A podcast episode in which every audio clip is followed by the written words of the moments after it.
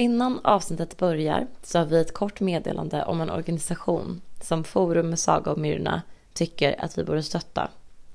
Denna organisation heter Ingen människa är illegal och är ett av de mest aktiva utomparlamentariska vänsternätverken i Sverige.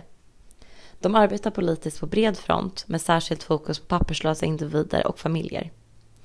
Detta gör de på en massa olika sätt, men bland annat genom rena ekonomiska bidrag till mat, boende och kläder. Också alla former av socialt stöd som att bistå med juridisk hjälp, agera kontaktpersoner, anordna aktiviteter med barn och organisera demonstrationer och manifestationer. Nätverket består både av människor som själva är papperslösa och människor som inte är det. Och det finns flera sätt att hjälpa till. Dels genom ekonomiska bidrag där alla pengar oavkortat går till människor i papperslöshet. Om du vill swisha är numret till Stockholms avdelning av nätverket 123 152 4958. Numret står också i avsnittsbeskrivningen där även finns en länk till deras hemsida om du kan och vill bli månadsgivare. Alla bidrag gör skillnad. Men man kan också engagera sig i nätverket mer direkt. Det behövs alltid människor med flera olika typer av kompetenser. Intromöten hålls regelbundet. Om du vill ha information om dessa kan du följa deras Facebook eller Instagram. Sök då på Ingen människa är illegal på respektive plattform. Och nu börjar avsnittet. Tack för att ni lyssnar och tack för att ni stöttar Ingen människa är illegal.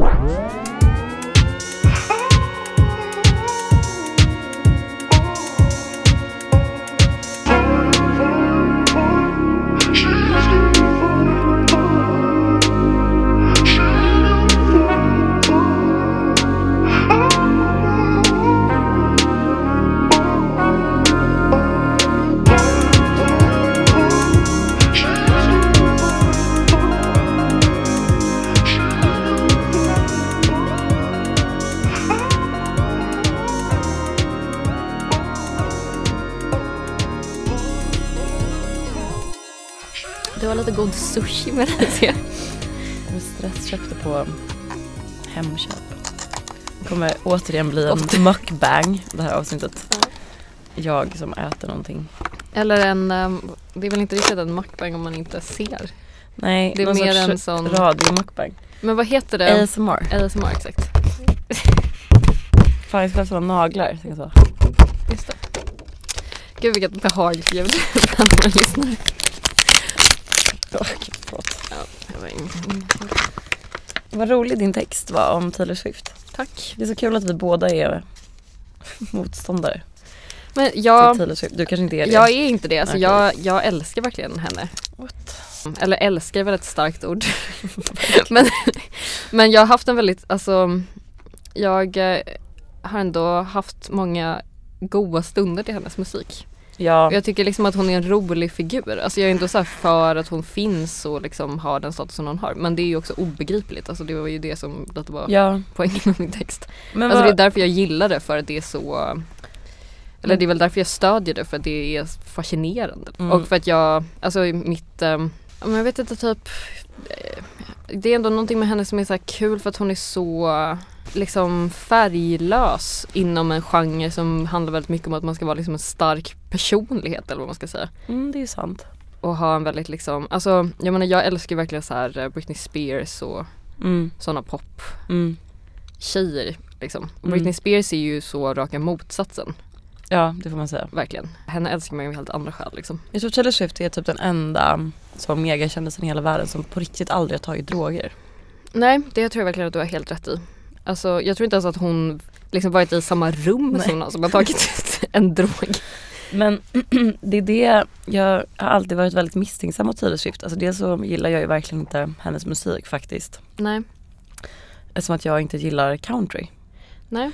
Men det är också någonting med att hon är vit, rik, smal och söt. Men ändå beskriver så att hon var mobbad. Ja, Det tycker jag är ett, det blir man lite misstänksam till. Alltså jag tror säkert att hon var mobbad. Jag menar bara att jag blir misstänksam till men ha- har hon verkligen, alltså är det hennes liksom origin story. origin story att hon var ett mobboffer? Det, det låter helt obegripligt. Men typ att hon inte hade så mycket kompisar. Jag tycker att det är jättetydligt också att det märks på typ hur hon är kompisar med så kändisar idag. Ja, Att hon och så, Blake Lively typ har en vänskap som känns som en vänskap som man hade när man gick typ i sexan. ja och hon hon och typ så här. Lena Dunham. Alltså, ja exakt, man är så va? Mm, Men ja, det köper inte jag alls. Alltså jag tror att hon alltid varit en sån tjej som ehm, typ så här ingen tycker illa om. Tror du det? Ja. Alltså jag bara tycker att hon är så, verkar så störig. Ja men jag, hon, hon är väl liksom hon är väl störig men på ett ganska harmlöst sätt. Ja men ja exakt. Alltså, hon är inte så här unhinged på nej, något sätt. nej, liksom. alltså, Fast också, jag vet inte, hon är väldigt liksom Det är det jag tycker är så intressant att hon är så platt men också så mångbottnad.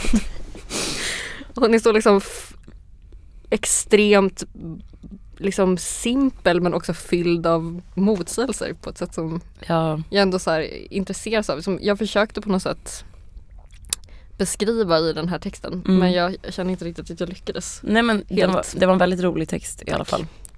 Men du vet väl att hennes pappa köpte det skivbolaget som hennes första skiva kom ut på?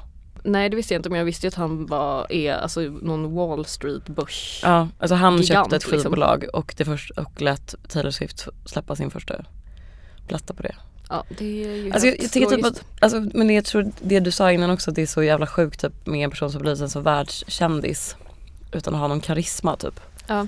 Att jag tror att det i hennes fall verkligen är så, som det inte alltid är såklart, men för vissa måste det vara så att så här, hon 100% av hennes framgång beror på pengar. Ja. Alltså typ 100%.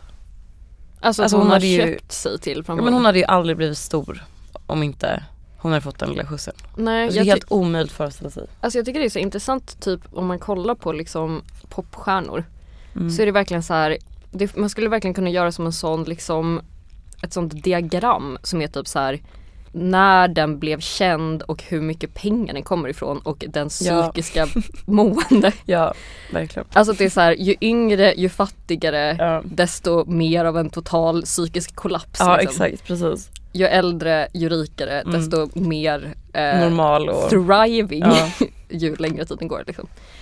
mm, verkligen. Beyoncé och Taylor Swift är ju liksom exempel på det senare Mm. och Justin Bieber och Britney Spears på Det tidigare. det tidigare. Mm, verkligen.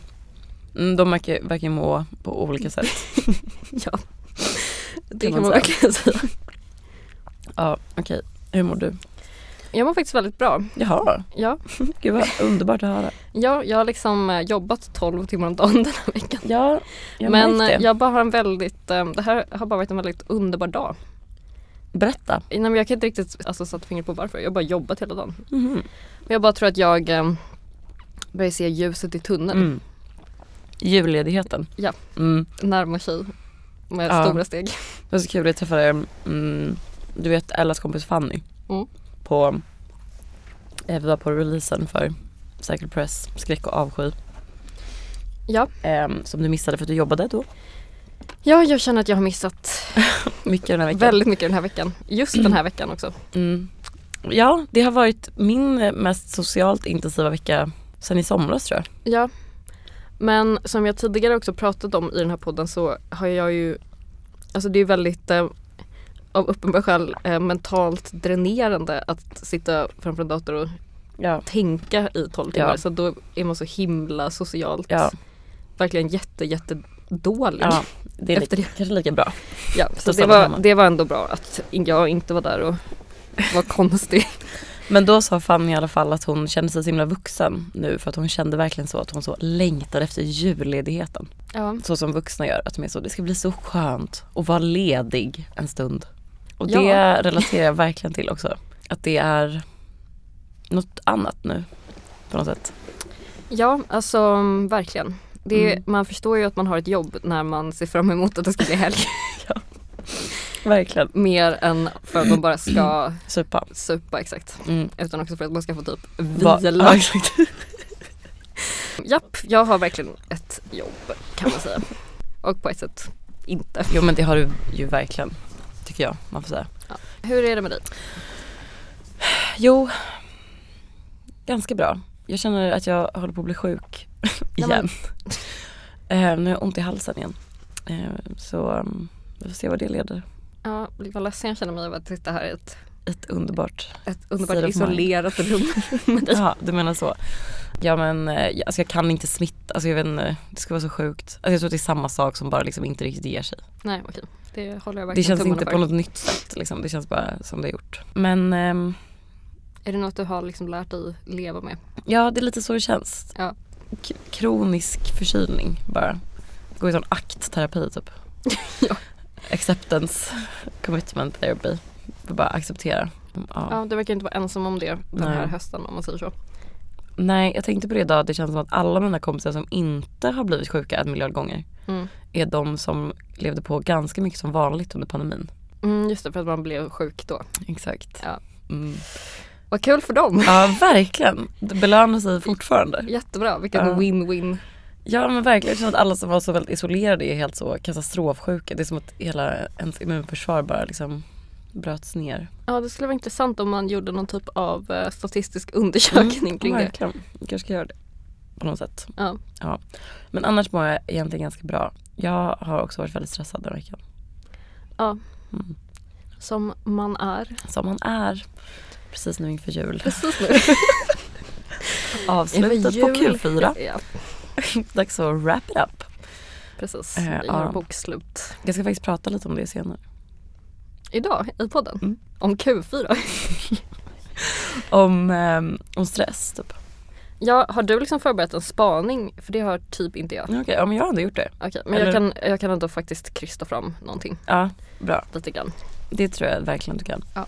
Annars får vi bara liksom riffa på min spaning. Verkligen, och det kan ju säkert gå bra det med. Men du kanske skrivit en liten ehm, introduktion Nej, men jag tänkte ta det, på volley. ta det på volley. Gör det. Ta det direkt från huvudet. Ja. Nej men vi ska prata om Gud. Jag håller verkligen på att göra en eh, ganska rolig felsägning nu. Men Klubben. Vi, vi ska prata Nej. om gruppen.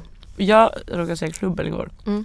Mm. Jag har också skrivit, alltså jag, det, det var inte den felsägningen jag skulle göra nu. Men Nej. jag har också råkat skriva klubben. Alltså Mm. när jag varit så här, skrivit min typ adgörlista, läsa Klubben. Sigge Eklunds Klubben. klubben. Men den heter Gruppen Ja. och det är Sigge Eklunds nyutkomna roman Mhm. som kom typ nu för några veckor sedan. Mm. Han har ju skrivit flera böcker innan, jag har inte läst något annat han har skrivit. Har du Nej. det? Det har, det har jag faktiskt inte. Nej. Han har aldrig varit, eller liksom Det var som att det slog mig ganska nyligen att han är ju författare. Mm, men det är inte det han är i första hand skulle jag Nej, säga. nej. Kanske, mm, kanske nu. Ja.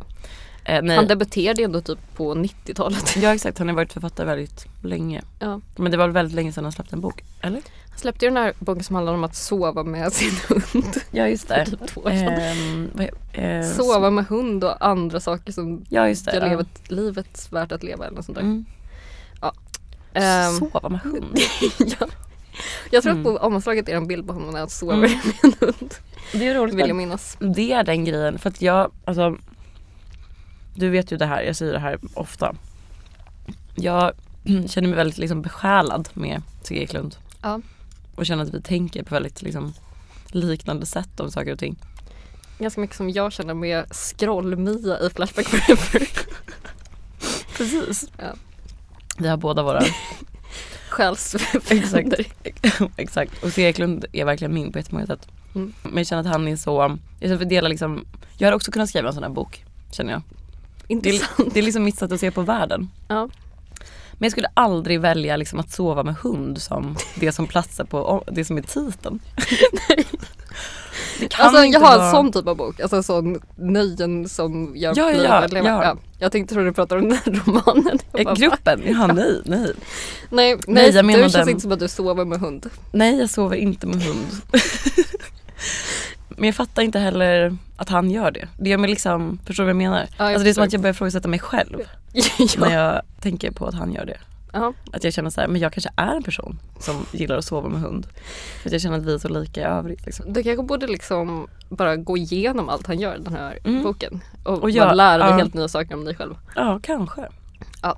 Måste ta på en hund någonstans. Det är så svårt. Nej. Okej, åter till gruppen.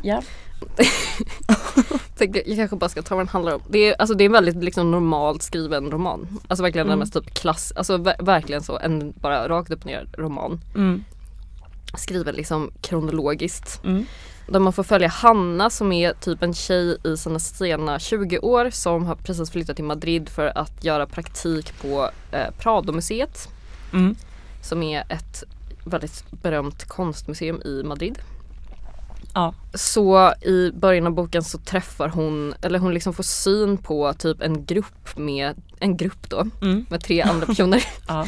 Som hon direkt blir väldigt eh, fascinerad av för att de är så typ snygga och spännande Mm. och tilldragande på något sätt. Och sen så ganska snabbt då så lyckas hon liksom bli vän med de här personerna. Mm. Ehm, Manipulerar sig in. hon, ja precis, hon tar sig liksom in i deras gemenskap och blir liksom inkluderas i deras umgänge. Och ehm, jag vet inte, men jag säger vad den handlar om. Det är väl ingen spoiler, jag tror att det är, Nej. alla vet det. Ja. Ja. Det som händer sen då är liksom att de här, den här gruppen, de här tre personerna har liksom väldigt mycket mer pengar än vad Hanna har. Så att hon stjäl ett konstverk för att liksom finansiera sitt umgänge med dem. Ja.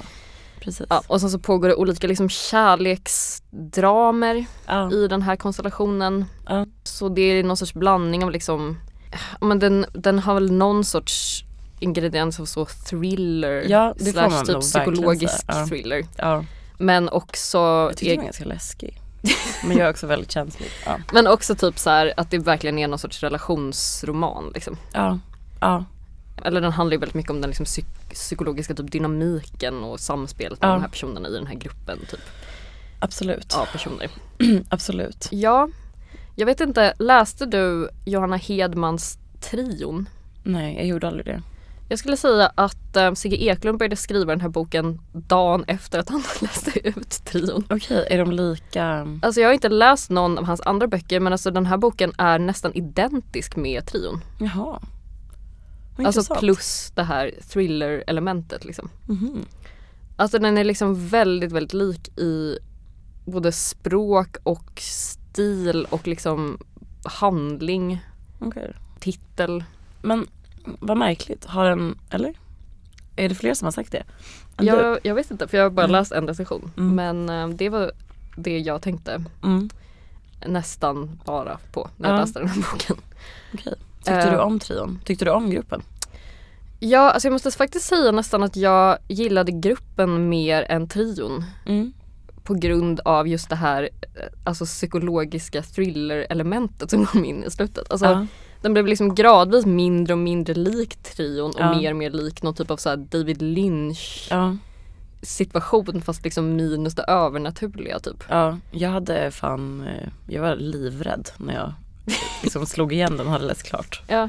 Kände mig riktigt påverkad. Och det, det tyckte jag var bra. Mm, det var jättebra. Jag tyckte, alltså för trion var så här. Det var, jag vet inte, det är någonting med så här den här lite distanserade stilen Mm. Som bara påminner väldigt mycket Mm. om mellan de två böckerna. Som Va- jag tyckte har lite svårt för. Okej, vad, eh, kan du beskriva den stilen? Nej. Men okej. Jo men- men, typ, alltså det, jag vet inte, att det är någonting att det är lite så här. Nu är inte jag någon litteraturvetare så, men att det är liksom lite så här tillbakalutat. Eller att det finns något lite så här Mm. distanserat sätt att typ beskriva en situation på. Att det är väldigt så här, alltså ganska svepande och det är väldigt lite liksom att gå in i Mm. detaljer. Eller Mm. vad man ska säga. Alltså det är ganska mycket så här. ja, Jag vet inte, Mm. det är svårt att sätta ord på. Jag Men hade alltså- säkert kunnat göra det om jag hade Ja, ja, såklart. Förlåt för att jag det. Vilket jag verkligen borde ha gjort. Nej men det är verkligen lugnt. Men eh, det blev lite eh, sär, särskilt den här veckan. Men jag undrar bara, alltså, det, finns distansen mellan liksom mellan, eh, mellan Sigge Eklund och berättaren eller mellan berättaren och jaget i boken? Eller Nej men liksom, alltså det är någonting typ i språket. Alltså det är lite så här, att det är lite vagt. mm. Men väldigt mycket liksom bildspråk. Ja det finns ju en sentimentalitet, Ja, verkligen. precis. Jag tror att den är jag väldigt förtjust i. Ja. Eftersom att jag själv är lagd åt det sentimentala hållet. Ja. Och är väl också en av de sakerna som jag tycker väldigt mycket om med Sigge Eklund. Ja, jag vet inte om alltså det här eh, Det kan ju också bara vara någonting i Alltså jag menar Johanna Hedman är ju inte den första att skriva på det sättet heller. Alltså det är ju ja. det är en stil som känns väldigt Mm. vanlig Mm. nu. Framförallt så här kanske inom typ eh, så här anglosaxisk litteratur. Mm. Sant. Eh, alltså det är lite så Sally Rooney. Nu, alltså jag tycker inte Sigge Eklunds bok påminner om Sally Rooney alls men det är ändå, Nej. lite, det är ändå någonting i Mm. den tonen som är lite lik liksom. Jag tyckte dock om alltså det du också beskrev att liksom den blir mer och mer som en psykologisk thriller. Ja. Typ. att den blir mer och mer, eh, att man får mindre och mindre kontakt, man har mindre och mindre kontakt med då Hanna, Mm. liksom huvudpersonen. Ja. Ja, Men jag blev faktiskt väldigt överraskad över typ hur ändå bra jag tyckte att den var. Ja. Och jag tyckte faktiskt också att den blev bättre och bättre. Alltså jag tyckte, jag, för att det, var, det är ju liksom, vilket jag utgår från är liksom väldigt medvetet gjort, men alltså att det börjar som en ganska normal roman Ja, och sen så blir den ju mer och mer skruvad liksom. Ja, verkligen. Exakt, jag känner att man blev ganska... Och den stegringen sker Ja, liksom ju exakt. längre in i berättelsen man Ja. kommer på något sätt. Det var också verkligen en bladvändare Ja, måste jag säga. Jag hade ganska svårt att lägga ifrån mig den. mm, jag håller med. Eh, Den var liksom spännande. Mm, den Det var, var- spännande. Ja, det var bra uppbyggt på det sättet att det liksom hela tiden hände saker ändå. Eller vad man ska säga. Ja, jag tyckte också det var, den var bra, liksom, den var ju så väldigt väl konstruerad. Mm. Alltså den höll ihop Verkligen. logiskt Ja, verkligen. helt och hållet liksom. Ja, jag tyckte också jättemycket, jag tyckte jättemycket om den. Mm. Det gjorde mig glad. Det är alltid lite nervöst att läsa någon man tycker mycket om. Liksom, Ja, såklart. som eh, offentlig person. Men, men för att en sak som jag tyckte att den här boken handlade väldigt mycket om var flykt. Ja. det, det är verkligen det den handlar om typ framför allt. Ja, eller hur? Ja. Och dels då liksom väldigt specifikt som att hon ju då, man, det framgår att hon flyttar från Sverige till Madrid Mm. för Att hon, komma undan för att komma någonting. undan någonting som liksom, det är inte helt precis vad det är. Nej. Man får ju inte reda på exakt vad det är som har hänt. Men det är i alla fall, liksom, ja, hon flyr ju. Men jag tycker också att, för det som var liksom intressant för mig var att ehm, jag tyckte att boken beskrev typ flykt på ett väldigt bra sätt. Mm. Och det var det som jag tänkte prata om eh, idag. Men för att jag skulle då börja med att liksom vilja prata om så här, några olika komponenter som jag tidigare också har identifierat som är väldigt viktiga för flykt. för att flykt ska kunna vara liksom, tillfredsställande. Typ. Mm. Eller liksom vad som gör en, en riktigt bra flykt. Kanske man kan beskriva det som. Och då menar du inte flykt som i att man typ flyr från ett krig Nej, nej precis. eller från en norsk förmögenhetsskatt. Precis. Utan liksom verklighetsflykt typ. Mm. För dels så då, alltså de, det finns ju då uppenbara saker med det som är att så här, hon, hon träffar den här gruppen och de eh, är väldigt festliga. Liksom. Alltså Ja. de dricker ju alkohol hela tiden. Det tyckte jag också var ganska trevligt med boken faktiskt. Ja. Att de bara dricker. Ja. Även fast de så inte är 20 utan ändå så 28, 29 liksom. Mm. I sina late 20s. Det är ju trovärdigt. Att det är, är ju det man Det är ju det. Framförallt kanske man bor i Madrid. Ja, Men det är det enda de gör, man sitter på olika uteserveringar och dricker och ute och klubbar. Liksom. Ja. Eller i alla fall så är det det enda som beskrivs. Men sen så finns det också några mer liksom diffusa saker som, som möjliggör en, en god flykt. Och det är då dels att de här andra personerna som man träffar, den här, det är en tjej då som heter Lea. Och sen är det två killar som heter Tom och Samuel va? Mm. Och att hon beskriver deras skönhet väldigt eller så, man, man får snabbt känslan av att de verkligen är liksom vackra människor.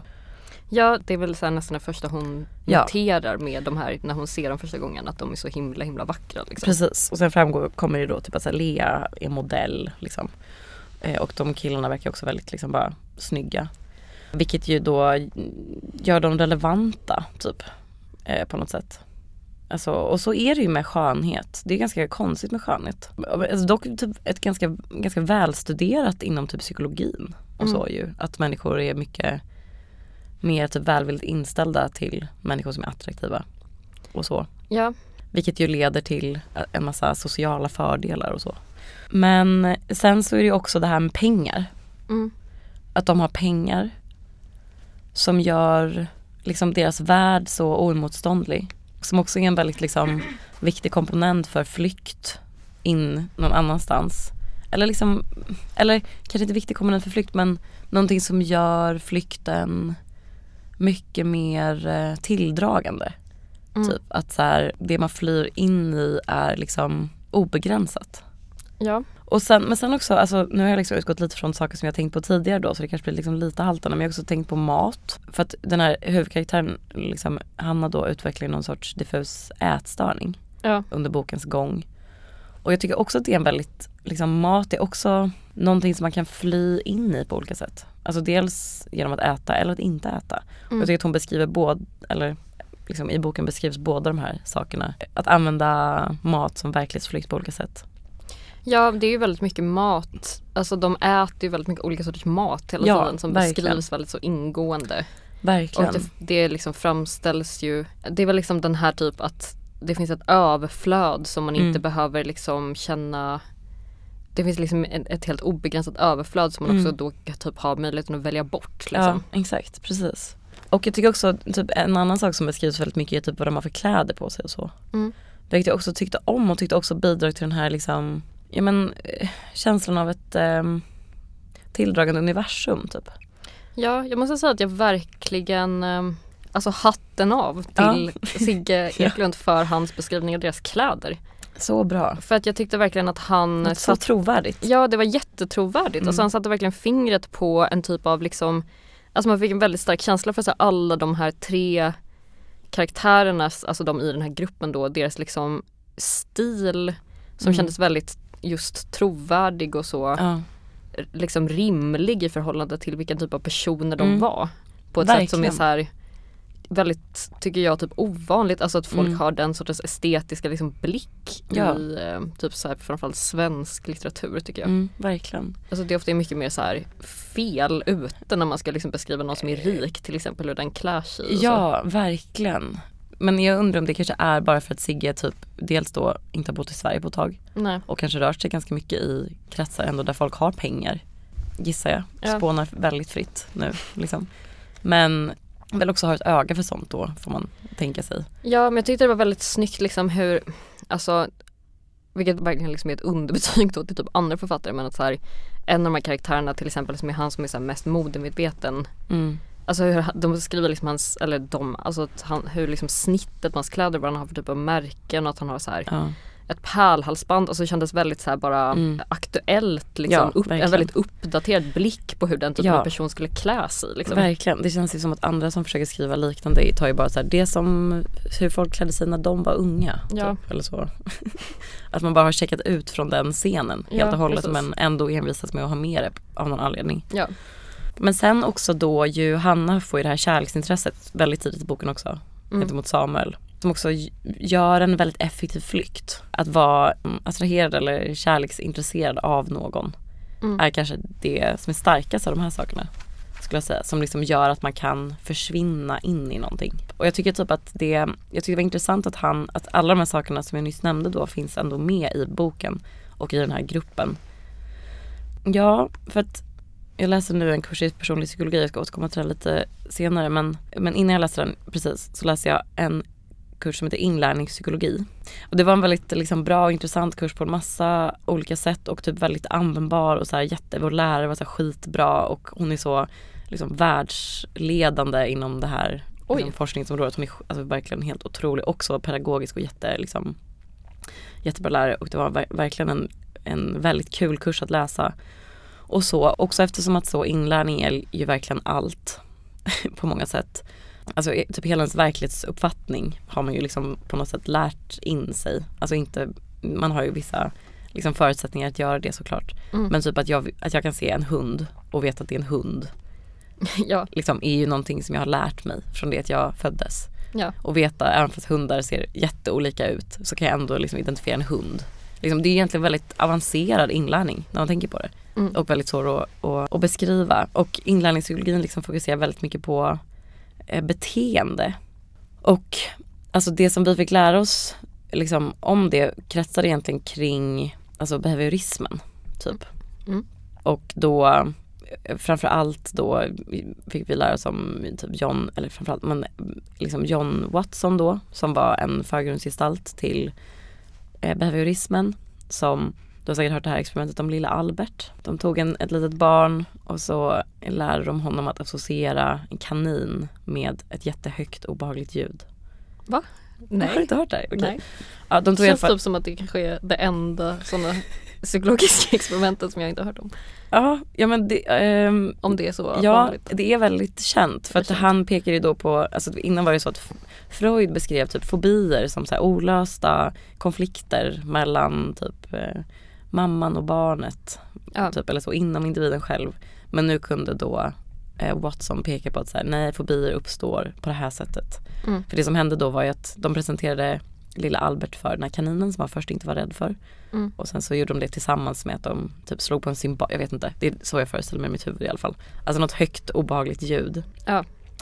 Och sen så eh, kunde de se den, sen då att eh, även när, eh, sen när de presenterade kaninen utan ljudet så blev lilla Albert rädd för kaninen bara för att, då, för att han då hade lärt sig associera kaninen med ljudet. Just det. Liksom. Och det är det då som är eh, respondentbetingning. Alltså Som den här draken i Harry Potter.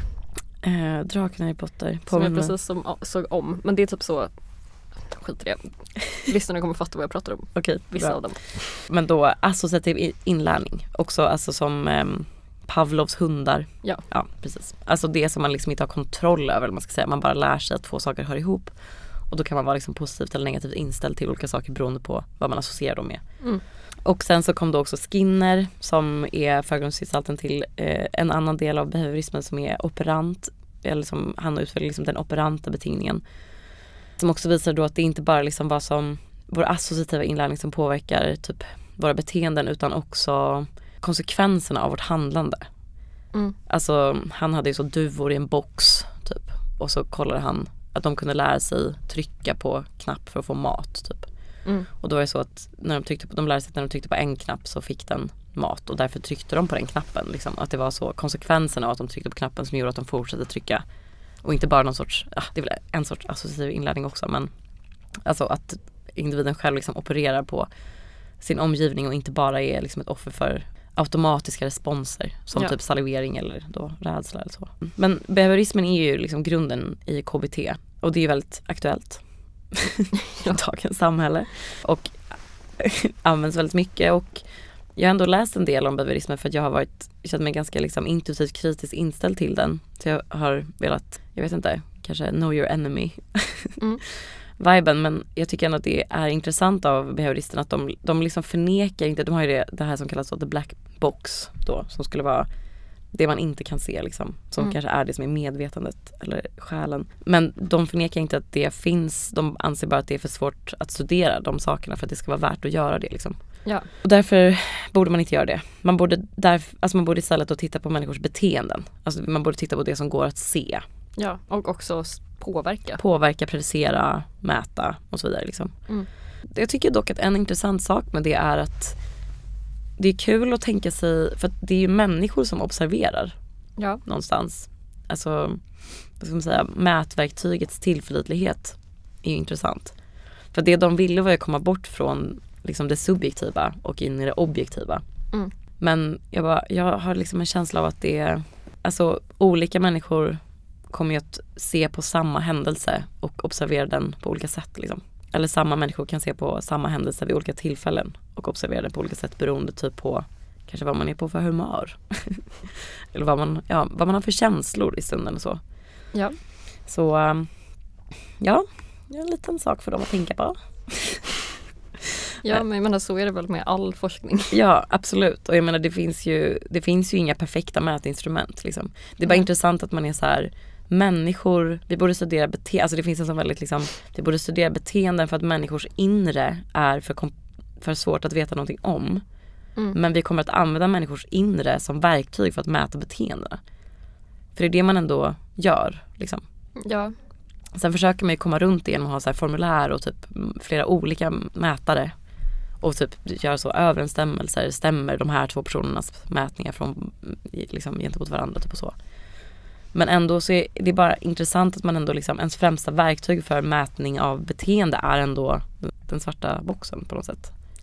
Ja. Alltså hur man typ tolkar en situation.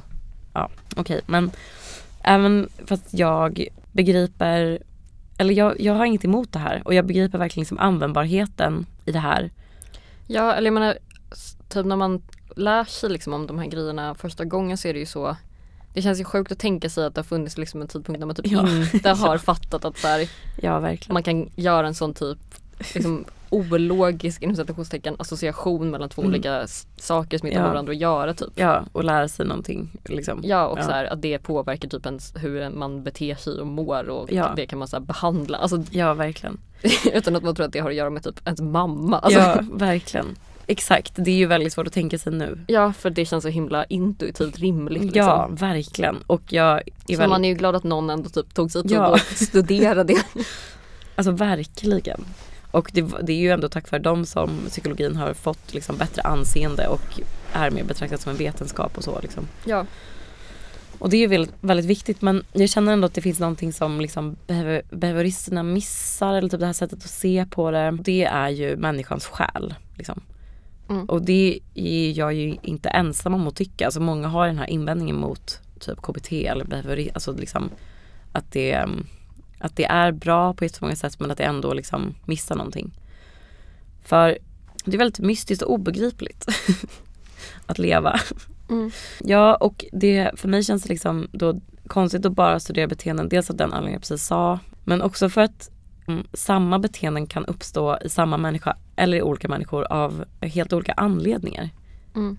Alltså typ beroende på kontext eller typ historisk tid eller humör eller personlighet eller eh, typ relationer. Men att beteende aldrig är så rena heller som man typ tror att de, som man vill att de ska vara. Liksom, och att så här, och det görs väl såklart säkert men typ att så här, ett beteende som säger, eller liksom man kan dra vissa slutsatser från idag skulle ju få en att dra helt andra slutsatser för typ 50 år sedan eller snarare kanske så här, vissa beteenden inte förekommer lika mycket för 50 år sedan på grund av sociala normer och att det är så här väldigt komplicerat och det är en väldigt liksom, dynamisk process mellan typ kontext och beteenden. Och att det, jag bara känner att det är så svårt att säga någonting om beteenden utan att ta med eller liksom tänka på alla de här sakerna. Och också då om man kan tänka sig ett så tydligt exempel som att säga, ja men kanske för x antal år sedan så skulle jag kanske be en svart person att eh, ställ, ställa sig upp på bussen för min skull. Mm. Liksom, det skulle jag ju inte göra idag. X antal år sedan. Hur länge sedan var det? Jag vet inte. Alltså pratar du nu om liksom Jim Crow-lagarna Ja, i exakt. USA? För det var ju på typ 60-talet. Okej, ja. 50-60-talet. Men att det, det då är en sån uppenbar faktor som påverkar mitt bete mina beteenden. Men också då såklart saker som händer inom mig. Alltså det måste ju vara så. Ja. Om, om, liksom saker, om kontexten kan påverka så måste ju också en massa andra saker påverka. Och väldigt olika saker kan ju liksom leda till samma beteenden. Men också typ att så här, man inte kan studera beteenden som uteblir. Alltså när man bestämmer sig för att inte göra någonting Mm. till exempel. Alltså, och varför man gör det då. Eller typ om man så här, går på en fest typ för att man älskar att gå på fest eller för att man är livrädd för att vara ensam. Eller jag vet inte, för att du menar att det bara är så, det är så svårt att komma åt ja men jag så himla att mycket på något sätt. alltså dels handlar det väl inte bara om så här enstaka tillfällen utan det handlar väl liksom om mönstrens beteende som är Ja. Alltså i, i, inom liksom psykologisk typ hur man applicerar behaviorism inom liksom psykologisk behandling Absolut. som liksom återkommer. Men sen så tänker jag också typ att Alltså jag menar psykologi är ju inte, liksom inte, inte en vetenskap som ska förklara hela världen. Alltså jag menar Nej, vissa beteenden förklaras ju liksom bäst inom andra vetenskapliga fält. ja absolut. Ja. Eller liksom politiska ja absolut. Och det är klart. fält. Men jag tycker ändå bara som liksom omfattande teori för att typ så förklara människan. Ja. Som ju den ändå ger anspråk på att vara. ja, då är den ju såklart väldigt bristfällig Ja. eller begränsad liksom. Precis. Men jag menar inte typ att så här, de inte själva erkänner det. Så jag tror verkligen att det finns, alltså det finns ju en väldigt självkritisk tradition inom psykologin. Och framförallt inom behaviorismen som var liksom verkligen först. Men typ att så här, det är väldigt viktigt att man ska kunna falsifiera typ och det är väldigt viktigt att, så här, den ska, att det ska vara en mer demokratisk process typ. Att det inte ska vara så vissa auktoriteter som sitter på viss kunskap typ. Utan att så här, alla ska kunna göra det här typ. Och jag vet inte, alltså jag tänkte på det när jag skrev det här att jag kanske, det här kanske är mer en filosofisk fråga egentligen. Eh, än eh, psykologisk. Och kanske hade jag, om man kunde liksom jobba på samma sätt eh, som man kan bli, eller om man, om man liksom kunde plugga till filosof och jobba som filosof på samma sätt som man kan jobba som psykolog. Så kanske jag hade gjort det istället. Men egentligen det som jag är mest kritisk mot och som kanske mer ifrågasätter hela liksom, vad ska man säga, eh, vissa grundantaganden inom behaviorismen är att ehm, den här teorin ändå menar liksom att vi söker oss till det som är njutningsfullt och liksom flyr det som är aversivt. Mm. Men är det verkligen så enkelt? alltså jag känner typ att eh, människor inte bara gör saker som är bra för oss, för henne. Eller som vi tror är bra för oss själva. Nej. Utan vi gör saker av liksom andra anledningar också. Som kan vara väldigt mycket svårare att förklara då. Alltså om man tänker på det utifrån att så här, det här, det här, stim, det här stimuluset förknippas med ett aversivt ljud därför kommer jag att undvika det. Liksom. Mm. Att det är så himla svart och vitt i det att man så undviker det som är obehagligt och söker sig till det som är liksom njutningsfullt eller belönande. På olika sätt. Och det är också, det är också kul, jag nämnde det innan men så här anledningen till att Watson liksom grundade behaviorismen eller varför han blev intresserad för det var för att just typ den metod som användes för teoribildning inom psykologin då innan, alltså i början av 1900-talet och tidigare, var liksom introspektion. Verkligen. Mm. Att typ olika människor satt så på sin kammare och försökte liksom studera psyket genom att tänka på hur de själva var. Ja. Vilket ju är en väldigt eh, eh, halv metod såklart. Ja. Men jag tänkte ändå ägna mig lite åt introspektion nu som kanske inte är liksom teoribildande syfte men det funkar ju för att det här är inte en tenta utan en podd. Så är det. Ett poddavsnitt. Men jag tror dock att liksom ändå många känner igen sig i det som jag nu vill liksom försöka beskriva. Och jag känner mig ändå typ ledsen över att det ändå är svårt att typ hitta plats för det i psykologin idag. Och jag, alltså jag, jag menar inte att så här, det här är en teori som borde användas på något sätt eller som borde ersätta någonting utan men jag tycker typ ändå att det borde tas mer hänsyn till mm, alltså mer en filosofisk syn på psykologin också i vetenskapen, i alla fall för liksom grundande och utbildning, eh, vidarebildning av liksom teorier eller ja men att så här, söka information på i alla fall. Typ. För om vi återvänder till flykten då, mm. som vi pratade om i början. För att nu läser jag då en annan kurs som heter personlighetspsykologi och den tar liksom lite mer fasta på det här mystiska och obegripliga. Och i den här kursen har vi bland annat hittills fått lära oss om eh, försvarsmekanismer. Mm. Vet du något om försvarsmekanismer? Ja, alltså det gör väl alla. ja men alltså det är väl eh, såklart, eller vill du att jag ska nej, redovisa nej, för dig? Nej du behöver inte. Men ja, precis. Det kom... Alltså man försöker undvika obehag mm. på olika sätt genom att liksom vända sig till olika sorters av former av liksom psykologiska försvar. Ja, precis. Exakt. Som kan vara typ att så här, utsätta själv, sig själv för mer obehag eller njutning. Ja. Eller undvikande eller så. Ja, exakt. Undvikande är väl en väldigt um, vanlig. Inte, ja, va, den känns väldigt vanlig. Eh, eller jag hör det den ofta mest vanliga. undvikande. Jag, jag är också förtjust i denial. Ja. Jag tycker att man känner inte så många som ägnar sig alltså åt det. Alltså förnekelse. Mm, exakt. Men inte det typ samma sak? Jo men jag tror att alltså, det finns ju oh, hur många som helst ja. i litteraturen och det är liksom inte alls Det tillkommer ju hela tiden, alltså lite så oklart vilka som är så, de riktiga.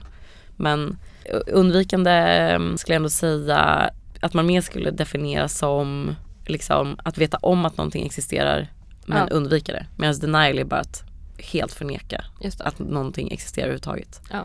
Jag tycker att det här är en väldigt vanligt förekommande i typ film och typ alltså, serier. Förnekelse? Eh, ja, alltså ja. att jag ser karaktärer som ägnar sig åt det bara där men typ aldrig träffat någon i verkligheten som Nej, är så, det känns alltså som hardcore. Så väldigt grundläggande grej i verkligen att skriva ett, ser, alltså ett manus. Ja, att skriva en karaktär som liksom använder så den mest Ja. Alltså väl, verkligen mest liksom extrema formen av försvarsmekanism. Exakt. För att skapa någon typ av psykologisering. Exakt, precis. Men för att de kommer ju då ur Freuds teori om, eller hans psykoanalytiska teorier. Mm. Och de brukar också delas upp i liksom primära och sekundära försvarsmekanismer. Och den här uppdelningen görs då utifrån huruvida liksom försvaren pågår mellan individen och världen omkring och det är då primära. Mm. Eller om de pågår liksom inom individen, typ mellan jaget och överjaget. Mm. Eh, eller detet jaget eller whatever. De räknas då, eller de liksom betraktas då vara mer typ avancerade. Mm. Eh, och eh, kallas då sekundära försvarsmekanismer. Men det ska också sägas här och det tyckte jag ändå var intressant att lära sig om att så här, försvarsmekanismer, eller enligt de här teorierna då, är någonting som alla ägnar sig åt. Ja. Och alla behöver ägna sig åt. Och att eh, det skulle också kunna vara liksom patologiskt att här, inte ha några försvarsmekanismer alls. Typ. Ja det kan man ju tänka sig. Ja verkligen, det känns ju väldigt um, psykos. psykosigt. Det känns också svårt, alltså man ja. måste ju liksom undvika ändå några saker. Ja verkligen. Men precis som du sa i början då så används eh, försvarsmekanismer för att ett, undvika eller hantera starka eller hotfulla känslor. Ofta ångest men också överväldigande sorg, skam, avundsjuka och så vidare. Och två, för att upprätthålla självkänsla. Mm. Och jag har tänkt mycket på mig själv genom mitt liv. Nej jag skojar. Men jag har tänkt mycket på mig själv, eh, eller jag skojar inte men det är inte det jag ska prata om nu. Jag har tänkt mycket på mig själv den senaste tiden i termer av liksom försvarsmekanismer. Och ja, dels ja. ja. Mm. och dels då på grund av att jag läser den här utbildningen som jag läser. Men också på grund av terapin som jag går i. Som jag pratat om förut i den här podden. Mm. Och med dig. Där vi behandlar mina problem liksom utifrån en syn på att de är försvarsmekanismer. Mm. Som ju då är att känna känslor.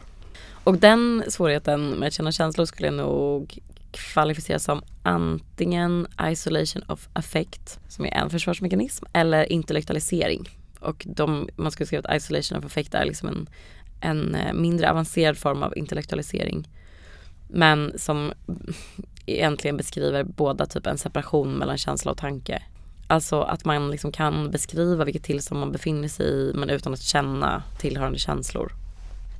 I den boken som jag läste om det här stod det For example, the comment, well, naturally I have some anger about that, delivered in a casual, detached tone, suggests that while the idea of feeling anger is theoretically acceptable to the person, the actual expression of it is still inhibited. Jag tycker snarare det låter som passiv aggressivt. Well, naturally I have some anger about that. Säger man helt lugn till ja. någon som berättar att den precis har krympt en tröja i tvätten eller sånt där. Det kändes nära. Det, vad har Morgan gjort? Um, inga kommentarer. Nej, okej. Okay. Jag beklagar. Men jag skulle egentligen vilja prata mer om en annan försvarsmekanism jag ägnar mig väldigt mycket åt. Och det är en av de allra mest primära försvarsmekanismerna. Mm. och det är extreme withdrawal. ja. Ja. Det är extreme withdrawal. Ja. Jag vet. Det står så här då för att liksom definiera lite, förlåt för lite långt citat men An infant who is overstimulated or distressed will often simply fall asleep. Vad sa du? Nej, inget bara kul. Ja. Extreme withdrawal. ja, jag vet. Det är, uh, det är vad det är. Okej. Okay uh, will often simply fall asleep. Withdrawal into a different state of consciousness is an automatic self protective response that one sees in the tiniest of human beings. Adult versions of the same process can be observed in people who retreat from social or interpersonal situations, substituting the simulation of their internal fantasy world for the stresses of relating to others. A propensity to use chemicals to alter one's consciousness can also be considered a kind of withdrawal. Alltså det sista då, typ att bli full, jag, eller ta droger. Mm. Ja. Men alltså withdrawal, hur översätter man det? Tillbaka Tillbakadragande. Ja. ja. ja. Återhållsamhet? Nej. Ja, alltså jag tror bara att liksom, alltså som det var då exemplet, en, ett spädbarn som somnar. Ja. Alltså att bara försvinna Dra från situationen. Dra sig tillbaka ja. från situationen. Exakt. På det mest extrema ja. sätt. Exakt. Så extrem att man inte lägger vid medvetande. Exakt, precis. Men det, det, var intressant historien här för det finns ju väldigt många olika typer av försvar då. Och det står den här att en fördel med den här typen av försvar är att man inte behöver förändra verkligheten. Alltså som vid denial då mm. till exempel. Att man är så man intalar sig själv att verkligheten är en annan Exakt. än den är. man förvränger den på något sätt. Men with, eh, med extreme withdrawal så ja. bara stänger man ute alltihopa liksom. Mm. Går någon annanstans, tittar bort. Ja. Men jag tror att jag ägnat mig väldigt mycket åt, ja, jag säger tillbakadragande nu. Och kanske inte då i sin liksom mest extrema form, alltså inte så att jag liksom bara somnar typ. Eller typ går och lägger mig när saker är jobbiga. Men definitivt liksom ändå har jag gjort det och jag har gjort det genom att liksom skapa egna världar åt mig själv som inte har någonting med det som är jobbigt med verkligheten att göra. Och då menar jag liksom absolut inte typ fantasivärldar. För att jag eh, har aldrig, alltså inte ens när jag var barn, som jag kan minnas haft liksom särskilt bra fantasi. Så som man hör vissa beskriva. Att de så kunde försvinna in bara i en, liksom, en hel värld som de hade i sitt huvud. Ja, för typ under gymnasiet då när jag mådde väldigt dåligt och inte pluggade så eh, var jag liksom tvungen att hitta ett sätt att fly från den ångesten som det innebar.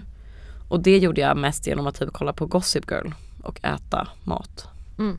Och jag liksom har ju pratat om att jag har haft bulimi och så.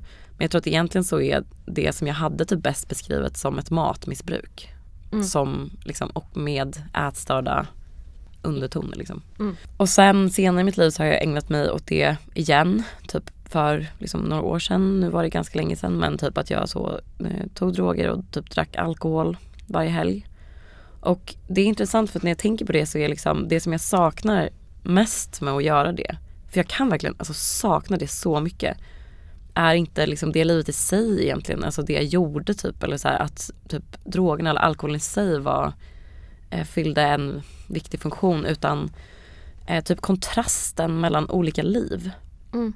För att då, att å ena sidan då under den perioden, nu pratar jag om då senast, så gjorde jag liksom en miljard olika grejer och jag var jättestressad och jag liksom jobbade alldeles för mycket och dessutom så gick jag upp så 5.30 varje morgon för att typ göra yoga. Eh, och jag hade så listor och typ min kalender och eh, var väldigt så, bara hade små saker att göra och tänka på hela tiden. Och jag liksom valde det själv. Eller vad man ska säga. Alltså jag ville ha det så. Alltså jag ville att mina veckor skulle vara så fullspäckade av olika stressiga saker som möjligt. Att jag sen kunde på helgen liksom få försvinna in i någonting annat. Mm.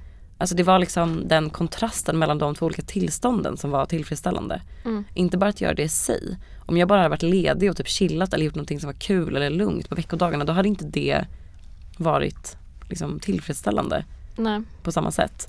Jag tänkte på det utifrån det då att så här, det som var, liksom det som gjorde den perfekta bubblan då, att gå in i på helgerna, det var de sakerna som jag hade förut. Typ att jag så alltid, jag var alltid tvungen att liksom ha en crush på någon. Alltså det var så jätteviktigt typ för att, för att jag skulle kunna- kunna gå in i den bubblan och njuta av det. Och jag hade pengar och då liksom de här substanserna. Men också typ att så här, eh, umgås med människor, typ vackra människor. Eller människor som jag liksom kände rörde sig nära mittpunkten typ eller var relevanta eller typ meningsfulla eller på något sätt ja. Mm.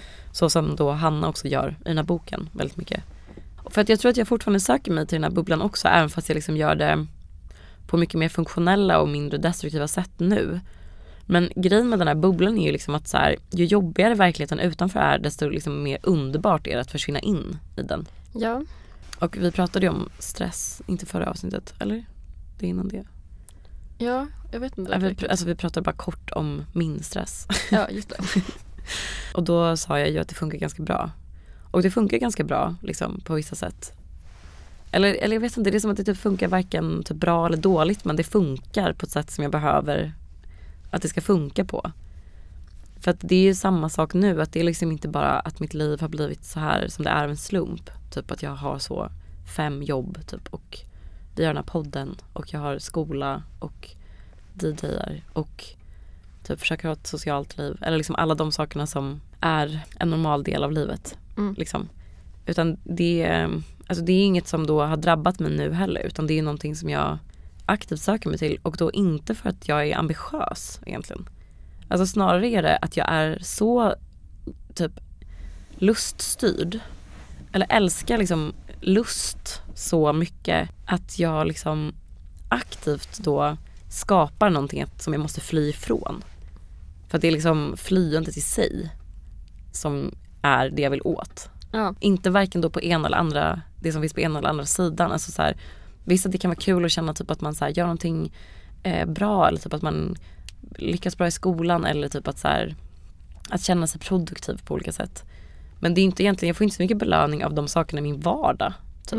Det, är inte, det är inte det som motiverar mig att fortsätta göra på det sättet. Och inte heller är det egentligen det som är då liksom det som utgör bubblan eller vad man ska säga. Utan det är bara, eller det är inte någon av de enskilda sakerna i alla fall.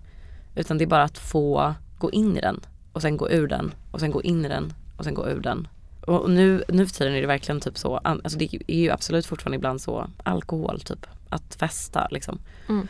Men det är ju snarare typ för mig nu att bara så ligga i min säng och typ kolla på serier. Eh, Ja. Kanske mer som det var då när jag gick gymnasiet minus hetsätandet. Typ. Eh, och det är ju liksom helt okej, eller så här, det funkar ju typ. Känner du att du kan liksom, eller jag tänkt på det, för att jag märker typ att vissa inte verkar kunna fly. Kan du göra det? Alltså jag tycker det känns som att den frågan är felställd för att jag känner inget behov av att göra det. Nej. Eller liksom jag förstår typ inte riktigt vad du, alltså jag förstår vad du pratar om utifrån dig själv men Ja. jag har liksom inga sådana här sorts Nej. Alltså för det som jag tyckte var så här fascinerande med den här gruppen var att, alltså jag tyckte det var så här fascinerande med romanen då. mm. Alltså att hon liksom ser de här människorna som hon blir så fascinerad av Mm. och tycker verkar så underbara och ha så underbart tillsammans. Mm. Så lyckas hon liksom bli vän med dem och få börja umgås med dem och då är det precis så underbart som hon har tänkt sig. Ja. Och de har jättekul hela tiden och så varje samtal är intressant och de har alltid snygga kläder och alltså, de går på roliga ställen och äter god mat. Ja. För att min upplevelse är liksom snarare att man typ får det som man vill ha och så blir man besviken. Ja. Och att det aldrig är så kul Nej, som man trodde det. att det skulle vara. Alltså typ, mm, tänker du då på när du har förväntat dig att kunna fly? Nej men jag känner inget behov av att fly. Jag tror att Nej det men är där... okej, kanske är, men typ om du, nej men det kanske är det då. Typ när du är väldigt stressad och har Ja. jättemycket att göra. Ja. Du hittar liksom ingen tillfredsställelse i att inte göra det. Jo men jag menar då, alltså jag menar det är inte som att jag skapar en situation där jag är stressad och har mycket saker att göra för att jag vill kunna fly ifrån den. Jag skapar ju den situationen för att jag vill göra de sakerna för att jag tycker att det känns meningsfullt liksom Ja, jag fattar. i sig. Men det kan ju finnas flyende beteenden i det också, alltså även om det är meningsfullt i sig. Alltså Ja. prokrastinering bara på olika sätt typ är väl, fast kanske, nej jag tar tillbaka det. Men vad menar du med prokrastinering? Ja men liksom att göra någonting annat än det man ska. Men det gör ju inte jag. Nej. vad menar ja, du? men det, kanske, men det är det jag menar. Och det, det, min, min, det kanske var felformulerat från början då. Alltså, kanske inte typ att så här, alla kan fly. Utan alla vill inte fly. Nej men alltså För jag tror typ att när jag tänker på Paul också så känner jag så här att han har inte heller alls det i sig bara. Alltså Men- han har ingen längtan efter Alltså det är klart att det är så här, om jag har jättemycket saker att göra så är det ju så, gud vad skönt att det nu är helg och jag kan gå ut och då blir jag ju oftast ganska, alltså då dricker man mycket för att man vill fly från det som man måste göra som är jobbigt liksom. Ja, Eller inte, nej inte för att man vill fly från det utan snarare bara för att man kan tillåta sig själv att göra det och då vill man gå in i det liksom. ja, Alltså det som du beskriver också. ja, Men jag tror inte att jag upplever typ kontrasten som så nej, viktig i sig liksom. På det sättet du beskriver. nej, Och jag tycker inte heller att det liksom är så lockande att fly. Alltså Nej. det är mer lockande att bara, ja, jag vet inte. Förstår du vad jag menar? ja men jag tror det. Jag, Eller det bara känns som en sån naturlig impuls, det är ingenting som nej, jag tänker på aktivt på det sättet liksom. nej, jag fattar. Men för att jag, alltså egentligen så tror jag kanske att mitt sätt att fly har blivit eller jag tror att det mer och mer liksom i alla fall utåt sett liknar det som du beskriver. Mm. Alltså att jag ändå nu, för att jag menar jag får ju allt jag ska göra gjort ändå.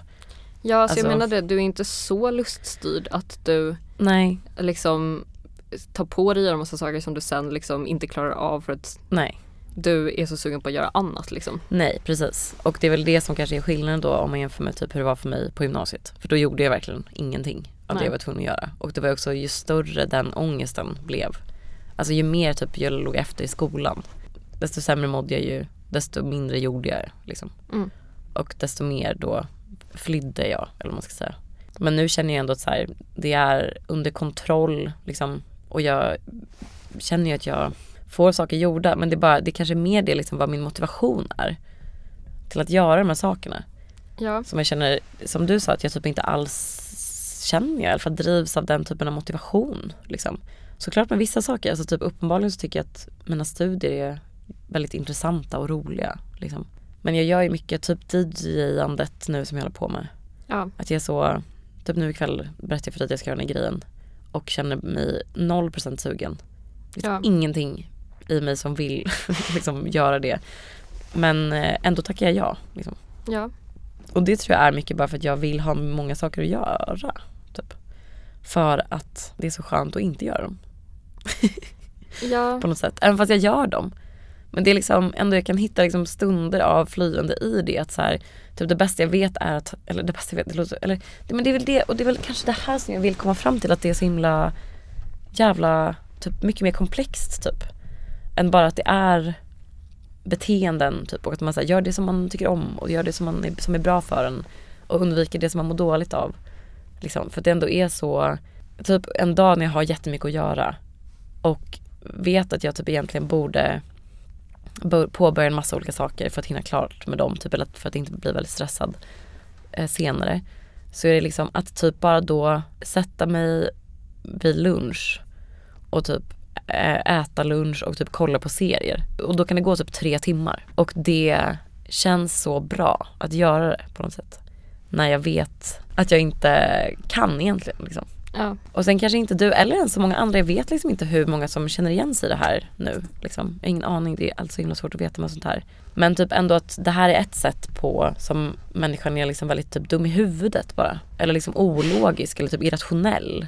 Ja, verkligen. Alltså inte följer så ett mönster av söka sig till det som känns bra och undvika det som känns dåligt typ.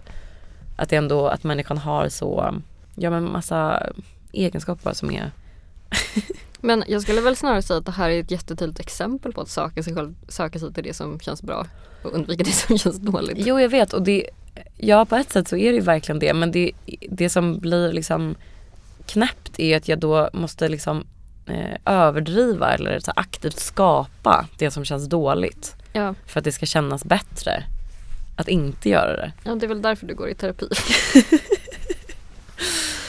Bland annat. Ja. ja absolut. Men jag menar för att nu är det inte ens som att det är inte så jättestort problem för mig längre. Nej. Alltså om det bara var det här som var mitt problem så hade jag absolut inte gått i terapi för det liksom. Nej, Alltså så destruktiva konsekvenser får det verkligen inte. nej det tycker inte att det verkar som. Nej, heller. men det är bara, alltså jag bara tänker typ ur den synen på att man, att man bara ska titta på människans beteenden. Ja, Så känner jag att man ändå typ missar ganska mycket. jo absolut. Så är det ju. Men det är ju hemskt nu om det här är liksom helt, alltså om ingen känner igen sig. Och det bara är jag som är, Men det känns väl som typ det vanligaste som finns Okej. att man ja gud undviker typ saker som man behöver göra slash Ja, skapa en situation där Ja. man pressar sig själv väldigt hårt för att sen kunna balla ut totalt. ja. Det känns väldigt svenskt. Det känns, det? det känns extremt svenskt, Ja. verkligen. Det känns verkligen som så, jag jobbar på ett lager dygnet runt i ett halvår för att sen kunna åka till Stockholmsveckan och spruta champagne på någon från Puma Swede typ. Verkligen. Det, jag relaterar till det så mycket. det sättet att leva på. Ja. Ja, jag tror att det var det jag hade. Jag har skrivit lite om typ kontraster. Mm. Att vi gillar kontraster. Ja, Typ att så gilla vintern för att den förutsätter sommar. och det här är lite samma sätt att tänka på. ja. Men, men jag tänkte också just det, bara för att koppla tillbaka till boken då. Att jag känner ändå de tendenserna i Hanna också. Alltså att ehm, jag upplever att hon inte bara stjäl det där konstverket för att hon behöver pengarna.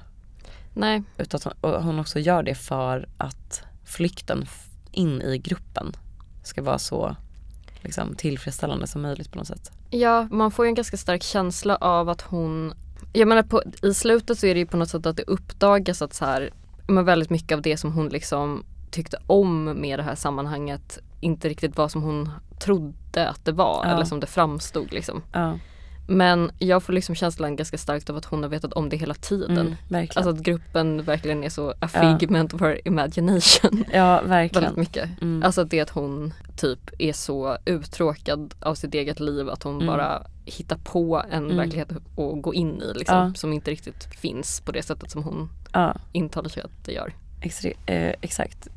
Extreme withdrawal Det är verkligen extremt bra. in i gruppen. Ja, Liksom.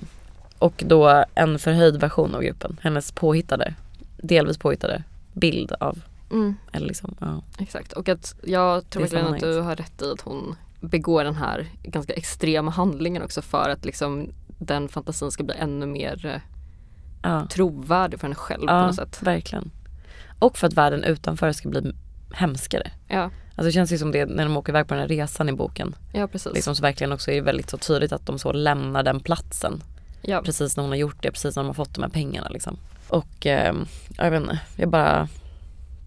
Ja för mig var det här verkligen en bok om människans mer ologiska sidor. Typ. ja. Och det var det. Mm. Men vi kanske ska säga Ja, att nu tar vi väl jullov. ja, Nu, blir, nu går vi på julledighet. det gör vi verkligen.